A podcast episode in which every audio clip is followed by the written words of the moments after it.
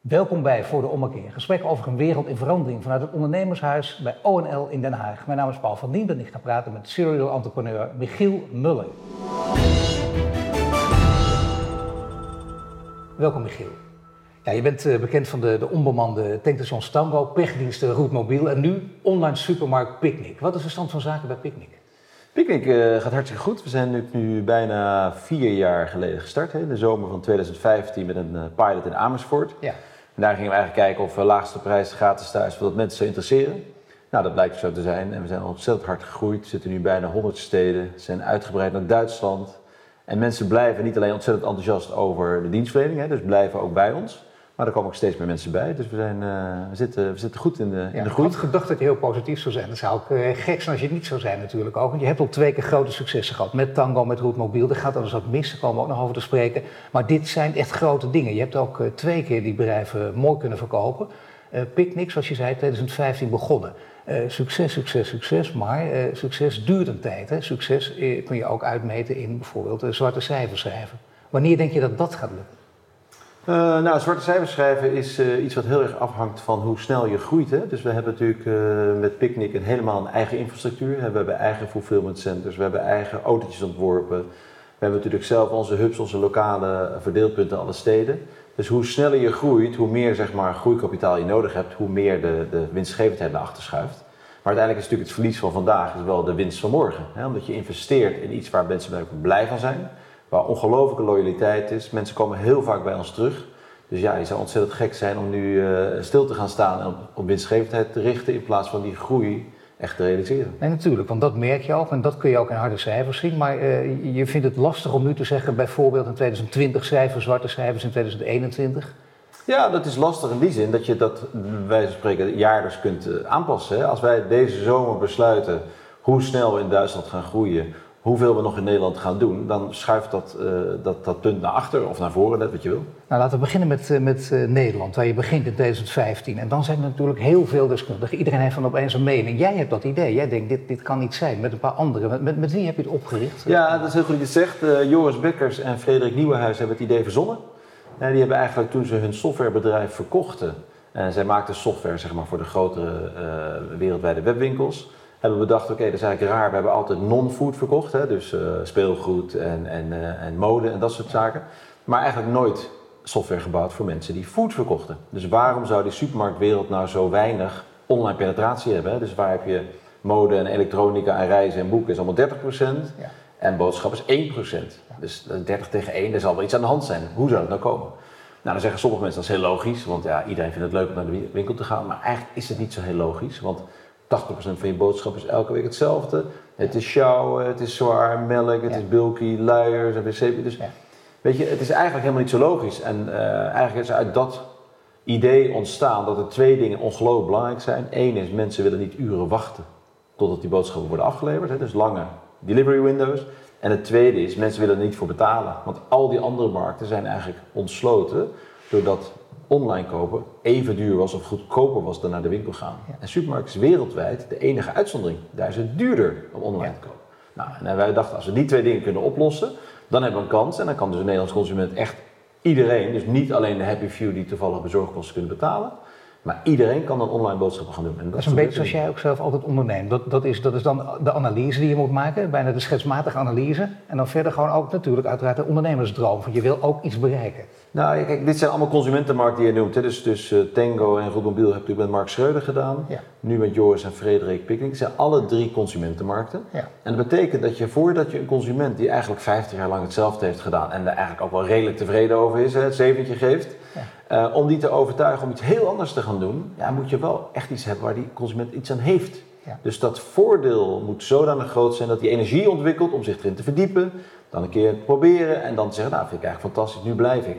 Maar en dat is wel een ingewikkeld spel natuurlijk in de consumentenmarkt. Maar vooral zorgen dat je, dat je ook die hobbels, dat je die weet te overstijgen. Want dat zijn de belangrijkste. Dat, dat is het belangrijkste onderdeel denk ik van de analyse. Dat je zegt eh, de wachttijd en de bezorgdheid. Je wil bovendien dus inderdaad zorgen dat het niet duurder is. Dat kan gewoon niet. Dat is nu inmiddels waargemaakt. Ja, ja, dus wij zijn de enige wereldwijd waarbij dus online boodschappen dezelfde prijs heeft als zelf naar de supermarkt gaan. Ja. En dat betekent dus heel belangrijk dat je dus eigenlijk een, een massamarkt aanspreekt. Hè? Want nu kunt ook de verpleegster en de leraar en de politieagent kan nu ook online boodschappen doen. Ja. Want dat is al het idee. Hè? Sommige mensen deden dat, maar het is de happy few. En veel deskundigen die riepen ook, daar zal het toe beperkt blijven. Van die mensen die vinden dat wel. Dat is een extreme luxe, maar de rest vindt het toch juist wel prettig ook. Niet alleen uh, goedkoper, maar ook prettig een boodschap. Nee, het zijn echt die twee dingen. Hè. Kijk, als je natuurlijk twee, drie uur thuis op je halfvolle melk zit te wachten. Hè, want bij boodschappen moet je thuis zijn. Een pakketje uh, van ja. Zalando kun je wel bij de buurman laten bezorgen. Maar boodschappen vindt die buurman op een gegeven moment niet meer leuk. Nee. Dus je moet thuis zijn. Dan zit je twee, drie uur thuis te wachten op je halfvolle melk. En dat betalen. En uiteindelijk is het zo, iedereen heeft in Nederland een supermarkt om de hoek. Dus ja, als je 7, 8 euro bezorgkosten betaalt, dan loop ik wel naar de supermarkt toe. Ja. Dat is volstrekt logisch. Dus je weet gewoon, het moet nu binnen 20 minuten moet het lukken. En dat doe je wel. Dat kun je voor elkaar krijgen doordat je een paar momenten per dag aanwijst. Dus dat is het wel, dat is wel de beperking. Ja, dus een hele belangrijke innovatie is dat wij hebben gezien dat zeg maar, de, de bezorgkosten ontstaan doordat je eigenlijk een soort taxiservice biedt. Hè. Je biedt aan elke consument 15 bezorgtijden per dag zes dagen per week, dus zeg maar 90 tijden dat je in de week kunt kiezen, kom nu maar de boodschappen met mij thuis brengen. Het is een beetje een taximodel. Ja. Op principe wel fijn, hè, want je kunt zeggen wanneer, maar best duur. En wij hebben gezegd, wat zou nou een busmodel zijn? Hoe zou een bus eruit zien? Die komt altijd op tijd. Komt niet wanneer jij wil, maar wanneer de bus komt. En dat maakt het wel heel efficiënt. En dat is eigenlijk wat we gedaan hebben. Dus wij zeggen, we zijn de moderne melkboer, dus we komen één keer per dag bij jou thuis. Maar dan is het op 20 minuten precies. En eigenlijk op de minuut, want je ziet het autootje rijden. En het is gratis. Nou, en daarmee kan het voor iedereen. Nou is het wel belangrijk dat je, dat je analyse ook waar blijkt te zijn. Hè? De, dingen die je nu onderzocht hebt, die blijken waar te zijn. Alles wat je nu noemt, maar uh, dat mensen het niet prettig vinden om boodschappen te zijn. Is dat ook waar? Ik heb er toch al eens een beetje om me heen gevraagd. Maar veel mensen vinden ook, na een harde werkdag, ook die saaie boodschappen. Dat is wel even lekker, even stand op nul en ik loop er even een beetje om me heen te kijken. Gewoon de sfeer, die, die niks aan de hand, muziek om me heen. Dat vind ik eigenlijk helemaal niet zo erg. Integendeel, dat vind ik juist wel een prettig moment op de dag. Nou, dat is wel grappig, want uh, daar zijn mensen natuurlijk ook toen wij, voordat wij starten. Kijk, als je met iets start, wij wisten natuurlijk ook niet hè, of het zou gaan lukken. Maar goed, je hebt er goed over nagedacht. Uh, toen zeiden mensen ook, ja, maar mensen vinden boodschappen doen ontzettend leuk. Nou, ik ben er toch nooit één tegengekomen. Jij bent nu de eerste, dat is wel De eerste die iemand tegenkomt die het leuk boodschappen doen. Ja, nou, ik leuk. zelf niet, maar er zijn mensen die het wel vinden, ja. Nee, natuurlijk. Maar het oh. gaat er ook niet om dat iedereen nu opeens online boodschap moet gaan doen. En die nee. markt, wij begonnen nou, als 1%. Zijn, toch? Hij is nu 3%. Dus hij is al enorm gegroeid. Er zit nog enorm veel groei in. Ja. Maar waarom zou het niet naar 10, 20, 30 procent groeien? Hoe kom je, want, nee, want dat is juist als dat, als dat lukt, van 1 naar 3 is al gigantisch. Dat, bedoel, dat, dat, dat, je, dat is ook iets wat heel veel anderen niet verwacht hadden. En, natuurlijk zit er dan nog veel meer groei in. Hoe komt het dat mensen toch dan heel op hun hand hebben gestaan? Waar dachten ze, wat konden ze niet overwinnen? Gaat het echt om die twee hobbels die je net noemde of zit er iets anders? Was het denkfout met andere woorden van die anderen geweest? Die nou, dachten dat het niks zou worden. Niet zo denkfout. Kijk, het, het supermarktmodel is zeg maar een van de meest succesvolle businessmodellen wereldwijd. Ja. Vroeger had je de bakker, de slager, de groenteboer. Op een gegeven moment zijn supermarkten gekomen. Die hebben steeds meer in die winkel geplaatst. Fantastisch model om producten met een relatief lage waarde naar mensen hun ijskast te brengen. Ja. Nou, dat is zo'n uh, goed model. Dus als je al bestaande partij daarin bent, waarom zou je dat model gaan veranderen? Dus je hebt vaak, en dat zie je ook wel in meer industrieën, heb je een externe partij nodig die met een nieuw idee komt, die kortere bochten neemt, die niet alle ervaring die ook conditionering is van de sector zelf meeneemt, maar iets nieuws verzint. Die moet dan vaak die markt openbreken. Dat zie je natuurlijk ook in al die andere markten. Elektronica, mode, uh, weet ik, reizen.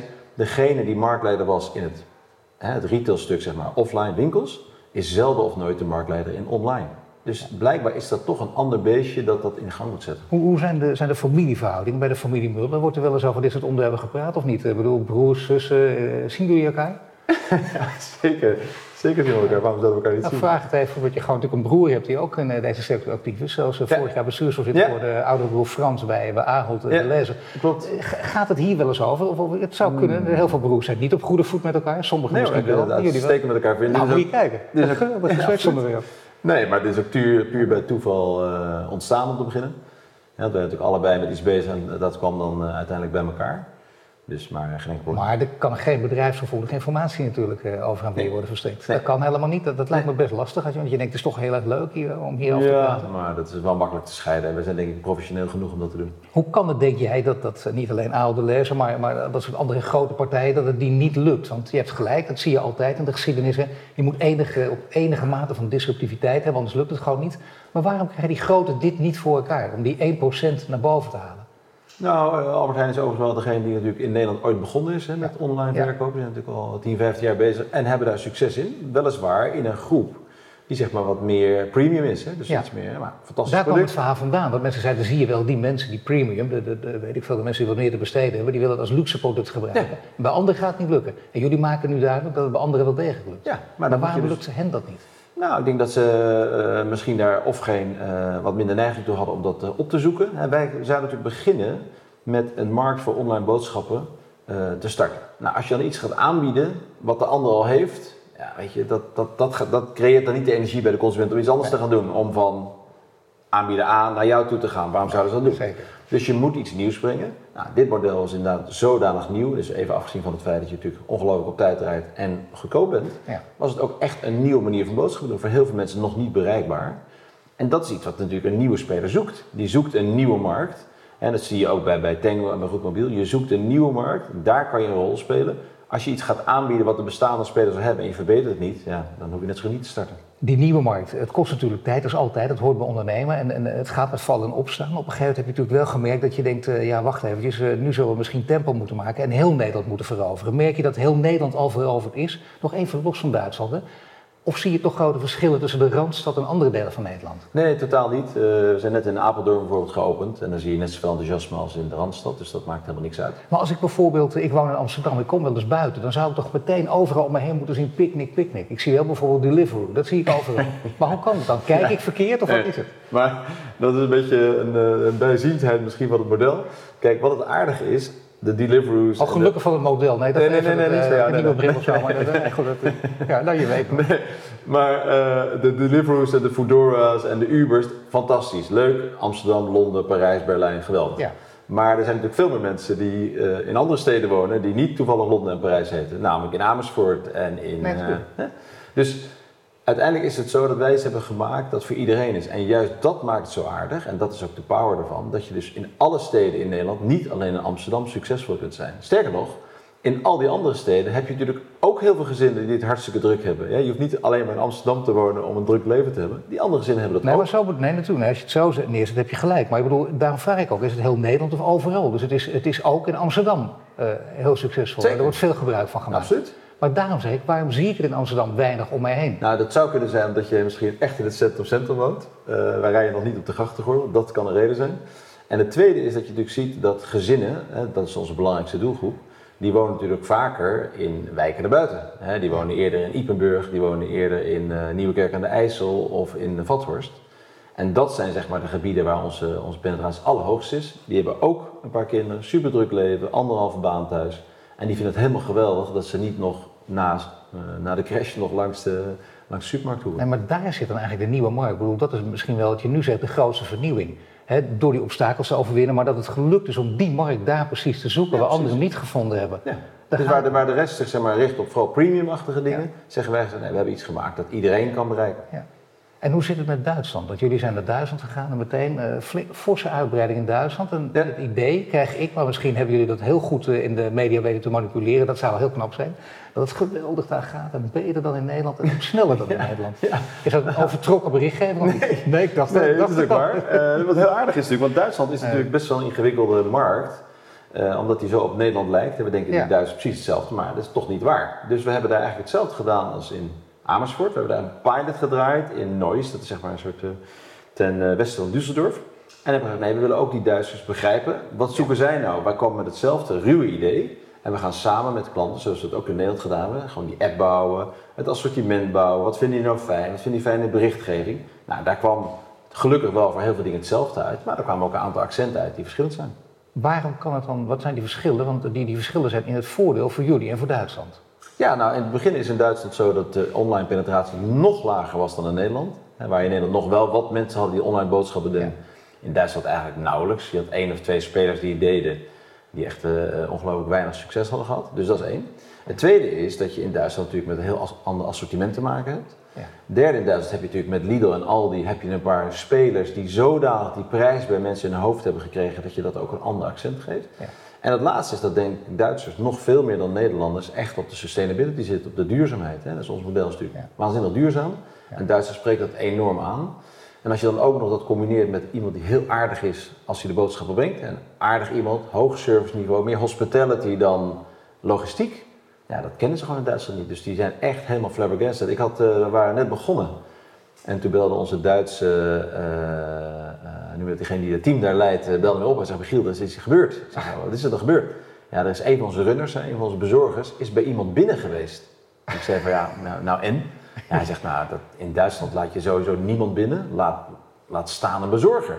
Dus dat was toch blijkbaar zodanig voor dat team van, nou, dit is echt iets heel anders dan die Duitsers gewend zijn. En dus heel onderscheiden. En dus valt het op en gaan mensen het proberen. Wordt er in Nederland ook op ingezet, op die gastvrijheid, die hospitality? Is dat Zeker. ook belangrijk? Belangrijk. Ja. Maar hoe, hoe kun je mensen daarop screenen? Want dat is, daar gaat het dan natuurlijk om. Hoe haal je de beste mensen binnen die dat ook kunnen? Ja, dat is wel aardig. We, hebben, we zijn natuurlijk in Amersfoort begonnen. We hebben zo'n eerste team zelf gevormd en heel erg daarop gelet. Hè. Je moet mensen hebben die het leuk vinden om uh, hoge servicegraad te hebben. Dus aan de deur, als er iets gebeurt, meteen oplossen. Dus ook heel veel, zeg maar, self-propelling zijn. Ja. Dat je dus zelf dingen oplost. Dus dat is één. En het tweede is dat je echt een soort team creëert wat voor elkaar opkomt. Dus als er iets fout gaat, helpen ze elkaar. Als er iemand die opkomt dagen omdat hij ziek is, springt iemand anders in. Nou, dat hebben in Amersfoort dat heel goed gelukt. En je ziet eigenlijk in al die steden dat dat ook lukt als je het beginnetje van de vier, eerste vier, vijf goed hebt. Ja. Dan creëert zich zelf die, die sfeer. En Dat is toch, is het heel, toch is het heel bijzonder natuurlijk, omdat dit nogal een thema is. Hè? Uh, als het gaat over technologie en robots, waar onderscheiden mensen zich nou Ja. uitgerekend op dit gebied? Ja. Dus ik bedoel, daar blijft ook werk, er komt nog meer werk ook in de komende tijden. En je ziet nu dat eh, met name de horeca het echt heel erg lang zoeken is naar mensen, mensen die vaker uit eten gaan weten dat ook, naar goede mensen te zoeken Ja. die goed zijn in Ja. gastvrijheid, die dat kunnen. Ja. Hoe kan het dat, het dat het daar niet lukt en dat het Ja, misschien dat een nieuw Nou ja. project voor jou dan om Ja. aan te pakken? Kijk, wij, doen wel, wij geven ongelooflijk veel verantwoordelijkheid aan de mensen die op zo'n hub werken. Dus zeg maar dat lokale overslagpunt waar die elektrische autootjes Ja. vandaan rijden. En dat zijn eigenlijk mensen die zelf vrienden kennen van de voetbal, van de tennis. We hebben ook eh, eh, vrouwen die bij ons werken, dus, dus jonge, jonge vrouwen. En die zoeken ook elkaar op. Dus het is een hele autonome groep die veel verantwoordelijkheid krijgt, die heel veel data krijgt om te kijken hoe ze het doen, hoe ze het kunnen verbeteren. Ja, dat vinden jonge mensen leuk als werksfeer. En dus eh, blijven ze graag. Ja, en dit is het hele leuke verhaal. Minder leuk is natuurlijk, en daar heb je de vakbond altijd voor. Hè. Dit is makkelijk wat er is. De vakbond die gaan altijd over minder leuke dingen, achter elkaar te weinig betalen, te hoge werkdruk, onveilige werkomgeving. Nou, er staat een schil contrast met alles wat jij nu Ja. vertelt. Ja, nou ja, ik kan er niet zoveel aan doen. Ik bedoel, ik zou zeggen, kom eens kijken, dan kun je zien hoe het eruit ziet. Nee, maar Eh, bedoel, je hebt gesprekken met die bonden, je praat dus met ze en zo. Waar komen, zijn, zijn er dan twee of drie mensen die een heel groot verhaal opblazen? Hebben de bonden ongelijk? Of denk je, ja, we moeten toch weer iets gaan, gaan veranderen en aanpassen? Nee, kijk, wij hebben natuurlijk die, eh, dus zeg maar in eh, december vorig jaar is een artikel verschenen waarin stond dat het bij ons onveilig Ja. was en dat mensen onderdrukt werden en allemaal vrij ellendige dingen werden er genoemd. Nou, het grofste van was gewoon niet waar. Er zaten een aantal dingen bij waar we zeggen, nee, dat kunnen we ons zeker verbeteren. Bijvoorbeeld veiligheid. Nou, we hebben een enorm veiligheidsprogramma gestart. En we zijn natuurlijk gigantisch gegroeid, dus we zijn echt niet perfect. Dus dat hebben we allemaal aangepast en verbeterd. Maar het is niet zo dat bij ons iedereen eh, ontevreden is, wat een beetje werd gesuggereerd. En dat is wel vervelend, vind ik eigenlijk. Want de mensen die bij ons werken, hebben een, eh, of dat nou in de fulfillment centers is of in de hubs, hebben echt een hele andere werkomgeving dan ze misschien gewend waren. Waarbij ze echt verantwoordelijkheid krijgen, waarin ze mee kunnen kijken, ze kunnen zien hoe het proces gaat. Ze, ze worden echt betrokken bij het proces. En dat is eigenlijk de sfeer die wij willen creëren, in plaats van een traditionele distributiecentra sfeer. En dat is precies hetgeen waar wij heel graag over willen praten. Waar doe je juist en graag voor werken? En als jij eh, dat verhaal omschrijft over, over eh, ja, hospitality, gasvrijheid, dan moet je dus wel in een prettige sfeer zitten. Een, een Duitser laat je niet binnen. Als je, eh, dat, dat kan niet. En dan moet je toch aardig zijn, moet je het ook leuk vinden. Dan moet je niet onderdrukt worden op je werk. Nee, Dus dat is gek. Nee, nou, precies. Ja, dit is, ja, dus, dus, dus de mensen die bij ons werken herkennen zich ook totaal niet in die berichtgeving. Tegelijkertijd, wij gaan gewoon door met hetgeen waar we denken waar we goed bezig zijn. We zijn nu bezig om een e-commerce CEO te gaan bouwen. Om te kijken of voor die hele grote groep mensen die nu in distributiecentra werken, niet alleen bij ons, hè, we hebben er vijf, maar er zijn natuurlijk ongelooflijk veel collega's van ons in e-commerce die ook distributiecentra hebben. Daar is nu geen CEO voor, dus wij vonden het een heel goed idee om daar het voortouw te nemen samen met de sector om daar iets te gaan doen. En dat blijven we ook doen. En we hopen dat, eh, eh, dat vakbonden, in dit geval de FNW, daar ook een keer aansluiten. Natuurlijk is dat wel een, eh, een belangrijk punt. Hè? Vooral nu in deze tijd ook premier Rutte die het ook heeft over kijkers, heeft de grote bedrijven, de aandeelhouders. Ja natuurlijk, die zijn op veel gebieden heel, heel blij, want er komt meer geld binnen. Maar de, lonen moeten ook omhoog. En dat zie je ook bij veel bedrijven, dan gaan die lonen ook wat omhoog. HEMA daarentegen kijkt er wel heel anders tegenaan. Die zullen daar hun eigen reden voor hebben, dan gaan die lonen omlaag. In welke trend wil jij zitten? Jij vindt Nou, ook we hebben dat Rutte gelijk heeft? Nee, we hebben nog de lonen van onze, zowel de mensen die in onze fulfillment centers werken als onze runners eh, verhoogd. We hebben voor, voor de runners een heel belangrijk stuk van het jeugdloonverschil met het minimum eh, eh, wettelijk loon hebben verkleind. Hè, dus jongeren krijgen veel minder betaald in Nederland en nou, voor een belangrijk deel gedicht. Dat soort dingen spelen bij ons, vinden wij belangrijk om te doen. Wij zorgen ook dat we bijvoorbeeld qua toeslagen, toeslagen betalen op momenten dat het ook nodig is. En bijvoorbeeld in de supermarkt is het alleen op zondag en op zaterdag. Ja. Ja, dat is natuurlijk echt van 50 jaar geleden dat dat toen aan de orde was. En dat, wat betekent dat, en dat is wat aardige, dat je nu in het weekend in de supermarkt alleen maar 15-jarigen ziet werken omdat volwassenen worden nooit opgeroepen op die tijd. Dus het feit dat je daarvoor strijdt en zegt nee, de supermarkt CEO is hartstikke goed, alleen een volwassene krijgt nooit die toeslag. Die moeder met twee kinderen krijgt nooit die toeslag. En dat is het verdrietige van het, zeg maar, het framen naar buiten als dat is een fantastisch uh, verhaal. Nou kijk je natuurlijk wel uh, als ondernemer ook naar kostenposten. En juist die lonen, dat zijn altijd uh, hoge kostenposten. hoe komt het dat je, dat je in staat bent om mensen beter te betalen? Nou, die, bij ons zit zeg maar niet de, de, de verbetering, zit in de efficiëntie, in het bouwen van je eigen software, in het anders organiseren. Verbetering zit bij ons juist niet op het besparen op de persoon. En dat is een groot verschil ook met de logistiek. Ik noemde net even het voorbeeld van Duitsland, waar logistiek iemand aan de deur komt en wij hebben dan meer een hospitality iemand. Ja. Is dat in de logistiek traditioneel wordt bespaard op degene die bezorgt omdat dat het enige is waar ze nog op kunnen besparen. Want de rest is eigenlijk ja, vrij traditioneel georganiseerd. Ja. En wij zeggen, als we nou vanstandiger organiseren, het slimmer en efficiënter doen, met ons melkboerrondje, met elektrische autootjes, met hele kleine drops, met hele snelle uh, uh, turnaround tijden, dan kun je daar besparen en dan ga je dus juist de persoon die aan de deur komt, die jouw merk uitdraagt en die het leuk vindt om jou te werken, die ga je eigenlijk beter belonen. En dat doe je dus in Duitsland, dat doe je in Nederland, dat doe je misschien straks ook in andere landen. Want zijn er ook nog plannen naar, uh, naar, met uitbreiding naar andere landen? Nou, we zijn, eigenlijk sinds we gestart zijn in Amersfoort zijn er ongelooflijk veel partijen op ons afgekomen. Ook uit het buitenland. Die hebben we ook allemaal laten komen en gezegd, joh, wat zijn jullie allemaal aan het doen? Nou, ja. daar zelf ook ideeën over. Daar word ik zelf uh, wijzer van. Dus toen, daar is ook ons Duitse partnership uit ontstaan met, met een grote Duitse supermarktketen. En er zijn natuurlijk ook andere landen langs geweest. Dus ja, waarom zou het niet in andere landen ook kunnen werken? Dat is een goede vraag. Nee, natuurlijk. Maar, nee, maar jij bent degene die dat veel beter kan beantwoorden dan ik. Want je hebt met al die mensen gepraat. Dan zeg je, nou, is dat, gaat het rustig aan? Dan denk je, nou, even wachten, eerst maar kijken hoe het met Duitsland nou, gaat. rustig aan is niet helemaal uh, ons, uh, ons, thema. Maar, nee, kijk, uh, het zou best kunnen. het is niet, niet iets wat morgen op de agenda staat. voorlopig hebben we natuurlijk met Duitsland, we zijn nu begonnen in Noord-Rijn-Westfalen. En dan eigenlijk alleen nog in het Rijnland. Dus dat gaan we nu, volgende week gaan we open in het Roergebied. Ja. Dus dat gaat langzamerhand zich uitbreiden. Nou, daar kunnen we wel even vooruit ook. Daar kun je vooruit, zeker. Een heel groot land. Maar een klein land dichtbij, niet onderschatten België, waarvan je denkt dat ligt ook heel dichtbij. Misschien hm. zijn er hele grote cultuurverschillen op dit gebied, dat weet ik niet. Dat jij ook beter dan ik. Maar is België ook, eh, gaat het ook snel uh, nou, dat zou kunnen. Kijk, België is inderdaad natuurlijk een land wat uh, weer hele andere dingen heeft. Kijk, we hebben natuurlijk in Duitsland ook een compleet ander assortiment dan in Nederland. Hè? In Duitsland heb je bijvoorbeeld 25 soorten aardappelen. Even. Uh, en uh, veel meer, nog meer lokale producten dan in Nederland, hè, van de lokale boer die aardappel. Ja, dat is waar. En in België heb je ook weer een heel ander assortiment. Dus daar moet je gewoon goed naar kijken. Heeft het zin om het daar te doen? Zijn er voldoende steden waar wij goed bij zouden passen? Nou, dat soort overweging moet je eerst maken. Maar is België dan wel na Nederland en Duitsland het logische derde land? Dat, dat je aan je wil binden? Nou, of, kan het van alles zijn? Ja, dat kan alles zijn. Ja. Maar alles zijn, zijn wel landen die een beetje, een beetje Noord-Europa, laten we zeggen, dat is het vooral. Nou, om onmiddellijk in Albanië te beginnen is misschien niet zo nou, uh, voor de hand Spanje, Italië. Spanje, Italië, ja, kan ook. Ja, waarom niet? Kan allemaal. Ja, Moet je kijken, dit mooi weer. maar wacht hoor. ja, ja. ja. Nee, goed, maar het aardige is wel, kijk, uh, mensen vragen zich af, ik ook. Uh, Michiel Muller, heel succesvol, heel veel dingen gedaan. Toen gaat er wel eens wat mis, daar hoort bij ondernemen, juist daarom word je alleen maar groter van.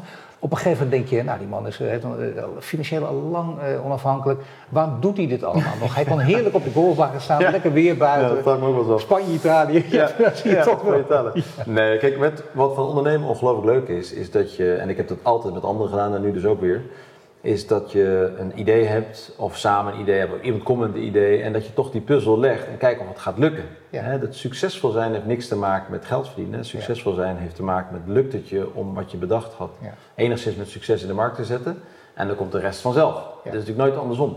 Nou, en dat is denk ik de, toch de fun van het ondernemen. Van elke keer weer iets nieuws starten, een nieuw idee of een nieuw businessmodel of een nieuwe manier van zaken doen. En kijken of je consument in dit mijn geval vaak Nee, natuurlijk. maar dat is veel interessanter, vind jij? Letterlijk die vraag. Want ik, ik, zie echt het omgekeerde. Mensen geven het vaak niet toe, maar uh, off the record wel. Dat ze zeggen, nou, ik heb een heel mooi leven gehad. En nu kan ik nog lekker 20 jaar op de golfbaan. Dan kan ik ook een, aan mijn handicap werken. Bijvoorbeeld. dat ja. zou kunnen. Hey, ja, nou, het lijkt me wat minder interessant. Ik, uh, Dit is eigenlijk veel leuker. Hè? We hebben het werk natuurlijk met Picnic met een ongelooflijke grote groep mensen. Het is heel complex, hè? dus je moet ook je hersens uh, goed laten, laten werken. We doen allemaal dingen die nog nooit iemand verzonnen heeft. Dus je zit in allerlei terreinen waar nog nooit iemand is geweest. Ja, dat is natuurlijk gewoon een. Uh, ik begrijp het heerlijk, veel opwindend natuurlijk. Alleen het, het, aardige is wel, je hebt ook ooit uh, economie gestudeerd aan de Erasmus Universiteit in Rotterdam. En, dan, en, en, toen had je een andere kijk op, op ondernemerschap. Tenminste, als ik alle, alle oude stukken van je terugkijk naar deze andere kijk op ondernemerschap. Ondernemers, dat is zoals sommige mensen het ook niet weten, die ondernemer is altijd Harry Mens. En daar bedoelen ze iets heel negatiefs mee. In jouw tijd ondernemer was, nou dat is ook een beetje mijn tijd, was, dat zijn tweedehands autoverkopers. Ja. Dat heb jij ook nog even gehad. Zeker, ook die, die absoluut. Toen ik afstudeerde ging je bij, uh, bij een groot bedrijf werken, anders had je gewoon niet opgelet. Ja. En terwijl er toen net zoveel ondernemers waren als nu. Ja. En ik denk dat natuurlijk uh, de laatste tien jaar is natuurlijk het ondernemerschap ook uh, interessanter geworden, aantrekkelijker geworden. Omdat er natuurlijk veel mooie verhalen zijn. Vaak natuurlijk ook een beetje van over, aan de andere kant van de oceaan.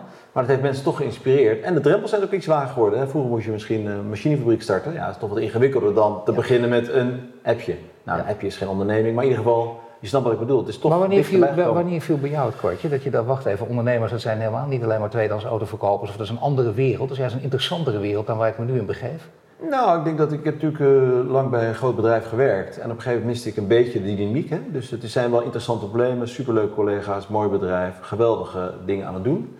Maar ik miste een beetje de dynamiek van het zelf doen. Dat miste ik een beetje. En dat, dan kom je dus, ga je iets meer verdiepen in de andere kant, namelijk het ondernemerschap. En dan zie je dat er ongelooflijk mooie dingen te zijn. Ja, maar ja, dat is, toch, toch, hier gaat het makkelijk overheen, denk ik. Want het, het is nogal wat. Ik bedoel, eh, als je gewoon uh, een bepaalde kijk, dan ben je, dan ben je geen, geen, geen twintig. Nee, maar ik was binnen... En ik denk, oh, wacht even, nee, dat is eigenlijk een, een wereld waar ik niet bij hoor. Nee, maar ik was binnen die, die grote onderneming wel ondernemend. Hè. Dat gaat natuurlijk, eh, niemand hoeft, iedereen hoeft een nieuw bedrijf te starten om ondernemer te zijn. Hè. Je kunt natuurlijk binnen grote bedrijven, daar zijn natuurlijk ook wel goede voorbeelden van.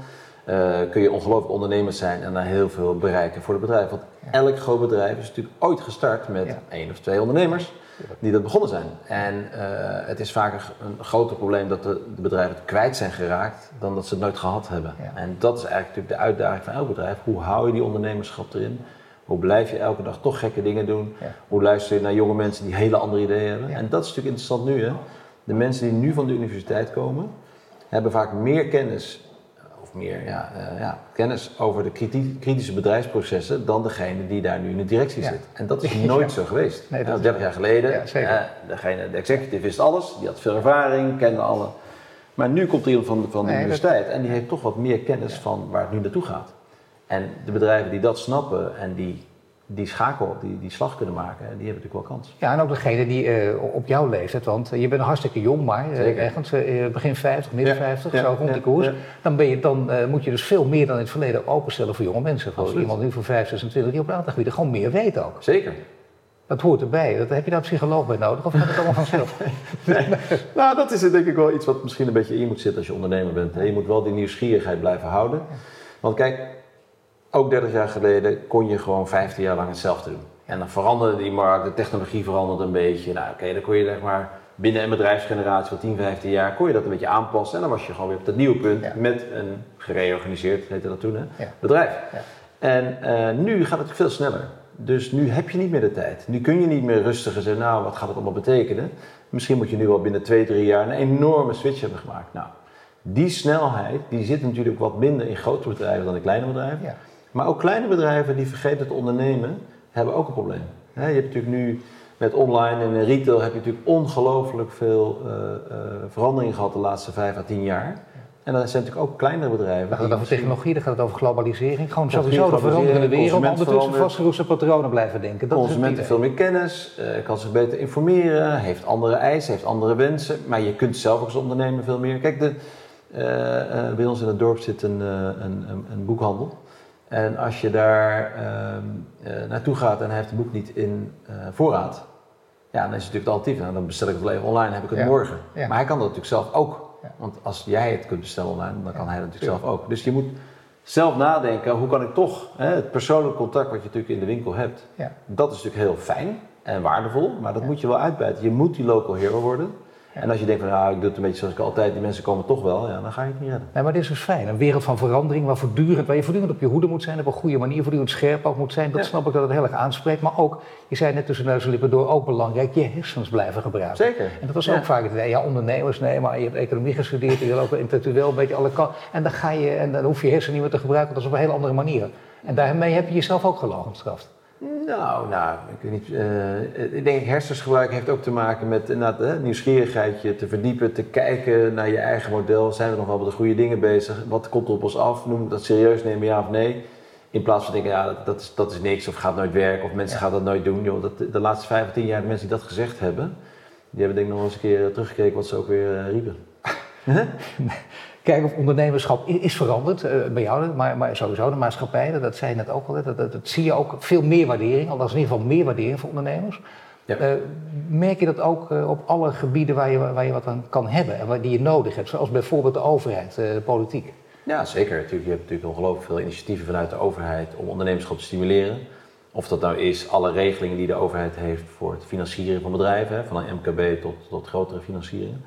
Je ziet het in allerlei start-up-achtige initiatieven van gemeentes, van provincies. We hebben natuurlijk nationale initiatieven. Dus er is ongelooflijk aan de hand. Want mensen zien dat ondernemerschap is een belangrijk element voor werkgelegenheid, voor innovatie, om relevant te blijven als Nederland. En tegelijkertijd zien ze ook dat die ondernemer verandert. Ze moeten ook een ander type ondernemer stimuleren. En of dat dan meer online is of meer data gedreven enzovoort. Dus daar is heel duidelijk vanuit de overheid aandacht voor. Ja, natuurlijk. Maar aan de andere kant, je had het over financiering. En dat is natuurlijk belangrijk. Hè? Eh, want hoe kom je aan financiering? Uh, voor jou is het uh, ook niet makkelijk. Maar jij weet inmiddels hoe de hazen lopen. Je hebt ook voor Picnic met financiering te maken. Je hebt een groot, vier geloof ik, vier fondsen. Ja, vier Nederlandse familiebedrijven, ja.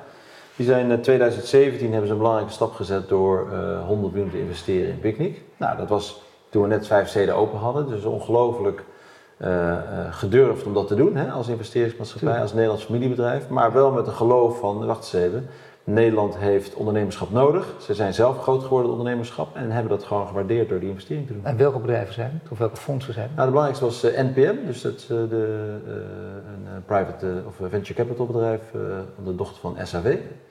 En de Hoge Dennen. Dus dat zijn uh, ook investeerders die al langere tijd meedraaien. En dat zijn investeerders, die, en dat zijn er twee, hè? die andere twee?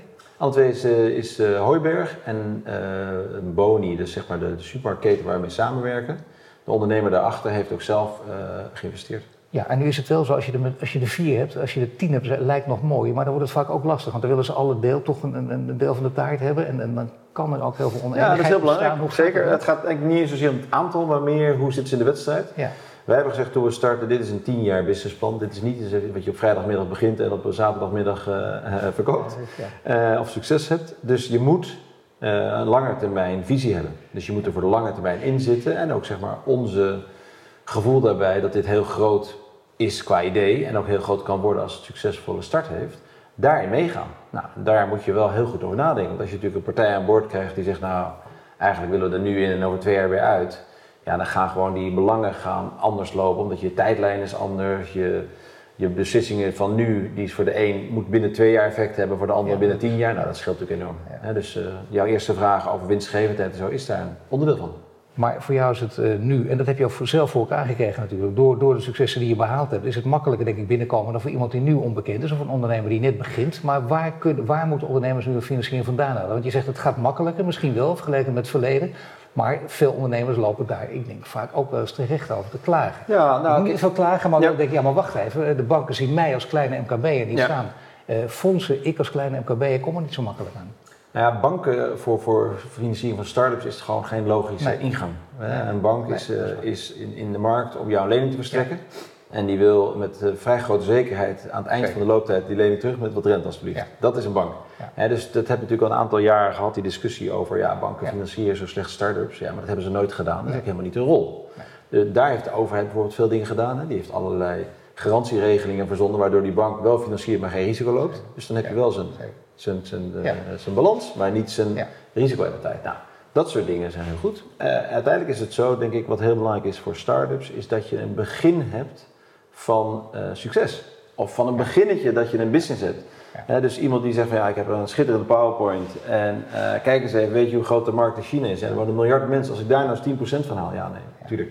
Maar uiteindelijk gaat het erom, ook voor een investeerder, en dat zijn dan, dan vaak natuurlijk early stage investors, die willen gewoon een beginnetje zien van succes. Maar die kennen ook de cijfers, die weten ook met name de high-tech helemaal. Dat 9 van de 10 start-ups mislukt. Ja. ja dat, dat, je zou bijna dat hoort er ook bij. In de andere wereld is geloof ik 7 of 8 op de 10 mislukt. Dus het is nogal wat om als investeerder ook in een start-up in zitten. Ja, maar het is ook wat om als, als ondernemer te starten. Want je gooit natuurlijk zelf ook tijd en alles wat je hebt. En je tweede hypotheek gooi je er ook tegenaan. Dus dat ondernemen is natuurlijk gewoon een, een, een best wel taf. Maar ja, je moet wel, als je in je idee gelooft, dat begint natuurlijk wel mee. Uh, en het lukt om een beginnetje te maken, dan ga je wel andere mensen vinden die met je mee willen doen. Wanneer wist jij dat je, dat je, dat je talent had voor ondernemen? Want je had ook talent om bij corporate te werken, dat je ook kunnen blijven werken en dan CEO gaan worden. Nou, had ik denk niet gehaald. Maar, Waarom niet? Uh, Waarom niet? Nou, een beetje het groot bedrijf te worden. Ik weet niet. Nee, ik denk niet dat het iets voor mij was uiteindelijk. Nee.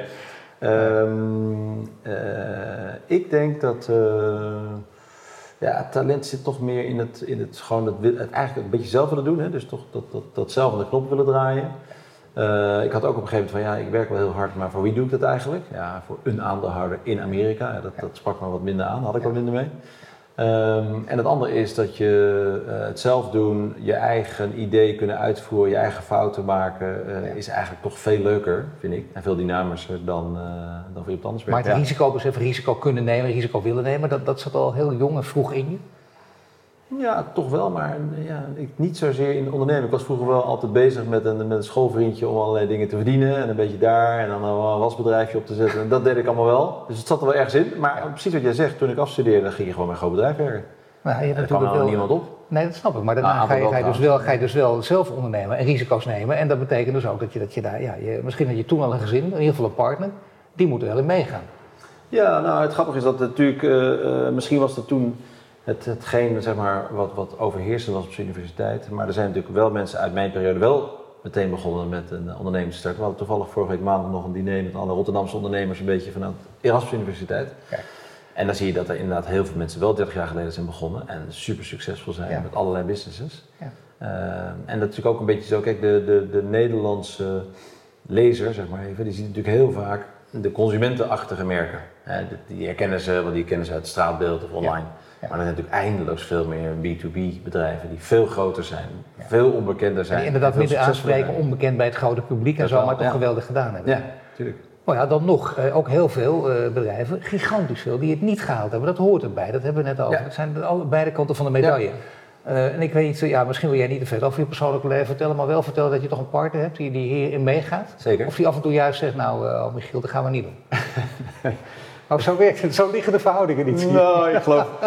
Nee, um, nou, ik denk dat die, ik heb altijd wel heel veel support gehad vanuit huis. Ik heb natuurlijk uh, links rechts wel eens wat risico's gelopen. Maar aan de andere kant, ja, weet je, uh, mijn vrouw die ziet ook wel de, de, de fun van het ondernemen en de fun van het nieuwe en het ontdekken. Maar hoe komt het dat ze dat ziet? Ze zelf ook ondernemen? Ook, ja, klopt. Uh, maar ze ziet ook dat het mij veel, uh, veel plezier brengt. Dus dat is natuurlijk ook wel mooi. Uh... Nou ja, je ziet ook, en, en, er zijn prachtige series over geschreven, die heet de Tegenslag.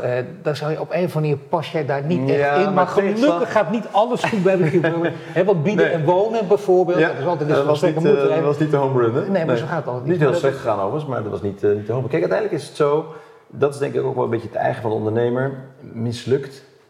Is een woord wat je toch een ondernemer niet zo vaak ziet horen gebruiken. Die zegt eerder van ja, oké, dat werkte dus niet. Ja. Maar ik heb wel iets geleerd en nu werkt dat misschien wel. Het is natuurlijk vaak zo dat die eerste stap, en dat is dat daadkracht wat je als ondernemer moet hebben, naar, die, naar dat idee van je. Misschien is het niet meteen een succes, maar vanuit het nieuwe punt zie je wel weer dingen die we misschien wel kunnen. En dat is Ja. denk ik een van de elementen die een ondernemer zal niet zo heel zin. Dat was een enorme mislukking. Die zal zeggen, nou, het werkte niet, maar daarna heb ik wel dat gedaan. Ja. Want met die les die ik daar leerde, ben ik verder Ja, gegaan. dat is wel interessant dat je dat zegt, ja. Want je ziet, ik zie dat bij jonge ondernemers wel, die hebben dat dan wel. eh, laten we zeggen, de millennial generatie. Ik heb gefaald. En dan gaat het maar over iets heel kleins. Je hebt gewoon een glas omgestoten. Dat valt wel mee, je. kan gebeuren. En dan, ik heb gefaald. Ja, dan ben je echt keihard failliet gegaan. Dat is met bieden en wonen. Is, er een, is een ander verhaal. Ja, niet bijvoorbeeld. failliet gaan, Wat, wat, nee. wat, wat is daar... Nee, daarom is dat, past dat, zou je dat inderdaad misschien... Nee, bieden en wonen is een goed voorbeeld. We hadden een hartstikke leuk idee verzonnen om in een hele overspannen eh, woningmarkt, zoals die nu weer een beetje is, om dus niet eh, de makelaar te laten kiezen wie gaat jouw huis kopen, maar dat in een soort online veiling, een soort een echt online veiling te laten gebeuren, waar dus particulieren samen in rondes eh, een eerlijke kans hebben op hun prijs te realiseren. Nou, dat werkte heel goed en toen ging eh, Lehman Brothers onderuit. Ja, toen was de woningmarkt lag een beetje op gat. Nou ja, maar tegelijkertijd, we hebben toen het bedrijf omgedraaid. We hebben het eigenlijk klaargemaakt voor huizen die juist niet verkocht werden. Ja. Dus uiteindelijk is het wel gelukt, maar het groeide niet hard genoeg. En toen hebben we het inderdaad eh, aan de directie verkocht. Ja, nou ja, dat scheelt natuurlijk ook. En bovendien, je hebt inderdaad niet voor niks met de tijdgeest te maken. Op sommige Ja. momenten lukt het wel, op sommige momenten lukt het niet. Daar moet je altijd naar kijken. Als je op dit moment kijkt, eh, stel jonge ondernemers zien het en die denken, waar liggen nu mijn kansen op welke terreinen? Wat zijn echte mogelijkheden? Waar liggen ze vooral? Nou, ik denk dat er nu enorm veel kansen liggen op het gebied van het gebruik van, eh, van software en technologie en hoe je met, eh, met data omgaat. Hè. Dus dat is iets waar de jonge generaties natuurlijk veel meer mee te maken hadden dan eh, toen wij afstudeerden. Dat is één. Ja. Tweede is, consumenten zijn enorm op drift. Hè. Er is veel meer informatie die ze kunnen krijgen. Ze kunnen meer zelf beslissingen nemen. Ze staan ook steeds meer open. Ook steeds grotere groepen mensen staan open voor online. Dus daar liggen enorm veel mogelijkheden. Maar kijk goed naar hoe een bestaande markt misschien een beetje eh, eh, traag is geworden of vast is gelopen. Kijk ook goed wat er in de krant staat van consumenten die maar blijven klagen over één probleem. Dan zal er wel iets in die markt zijn wat niet helemaal goed loopt. Ja. Nou, kijk, kijk of je daar wat kunt veranderen. Ja, nou ja, en daarnaast heb je natuurlijk nog een hele hoek eh, B2B, waar je natuurlijk eindeloos veel dingen. Want het MKB is natuurlijk heel groot, heel versnipperd. Er zijn ongelooflijk veel bedrijven die, eh, eh, die het heel goed doen. Er zijn bedrijven die nog wat eh, eh, vernieuwing kunnen gebruiken. Nou, daar kun je natuurlijk ook naar kijken. Jij bent eh, nu met je zoveelste bedrijf bezig en dat gaat ook heel erg de goede kant op. Dat gaat nog een hele tijd duren, dat blijkt ook al uit dit gesprek. hè. Picknick is nog lang niet voorbij, ik bedoel, Nee. voor jou zelf ook niet. Wat is nu op dit moment jouw rol? Echt sterk op de bal, heel scherp op de bal zelfs? Of heb je langzaam een beetje afstand genomen? Nee, totaal niet. We hebben, we hebben nu natuurlijk een bedrijf wat, eh, wat sterker aan het groeien is, maar we zijn pas eh 3,5 jaar bezig. Dus dat is nog niet zo heel lang. Nee, en we zitten allemaal nog eh, vol in de wedstrijd. Ook omdat er gewoon waanzinnig veel dingen zijn die we wel in ons hoofd hebben, maar die er nog verder uit moeten gaan komen. Kijk, we zijn Wil je er iets over vertellen? Ja. Ja, nou, we zijn natuurlijk eh, begonnen met eh, duurzaamheid is bij ons een belangrijk element. Hè. We rijden 100% elektrisch, we hebben geen voedselverspilling. Maar er is nog in het stuk voeding en in het stuk eh, supply chain aan de voorkant is nog waanzinnig veel te verbeteren.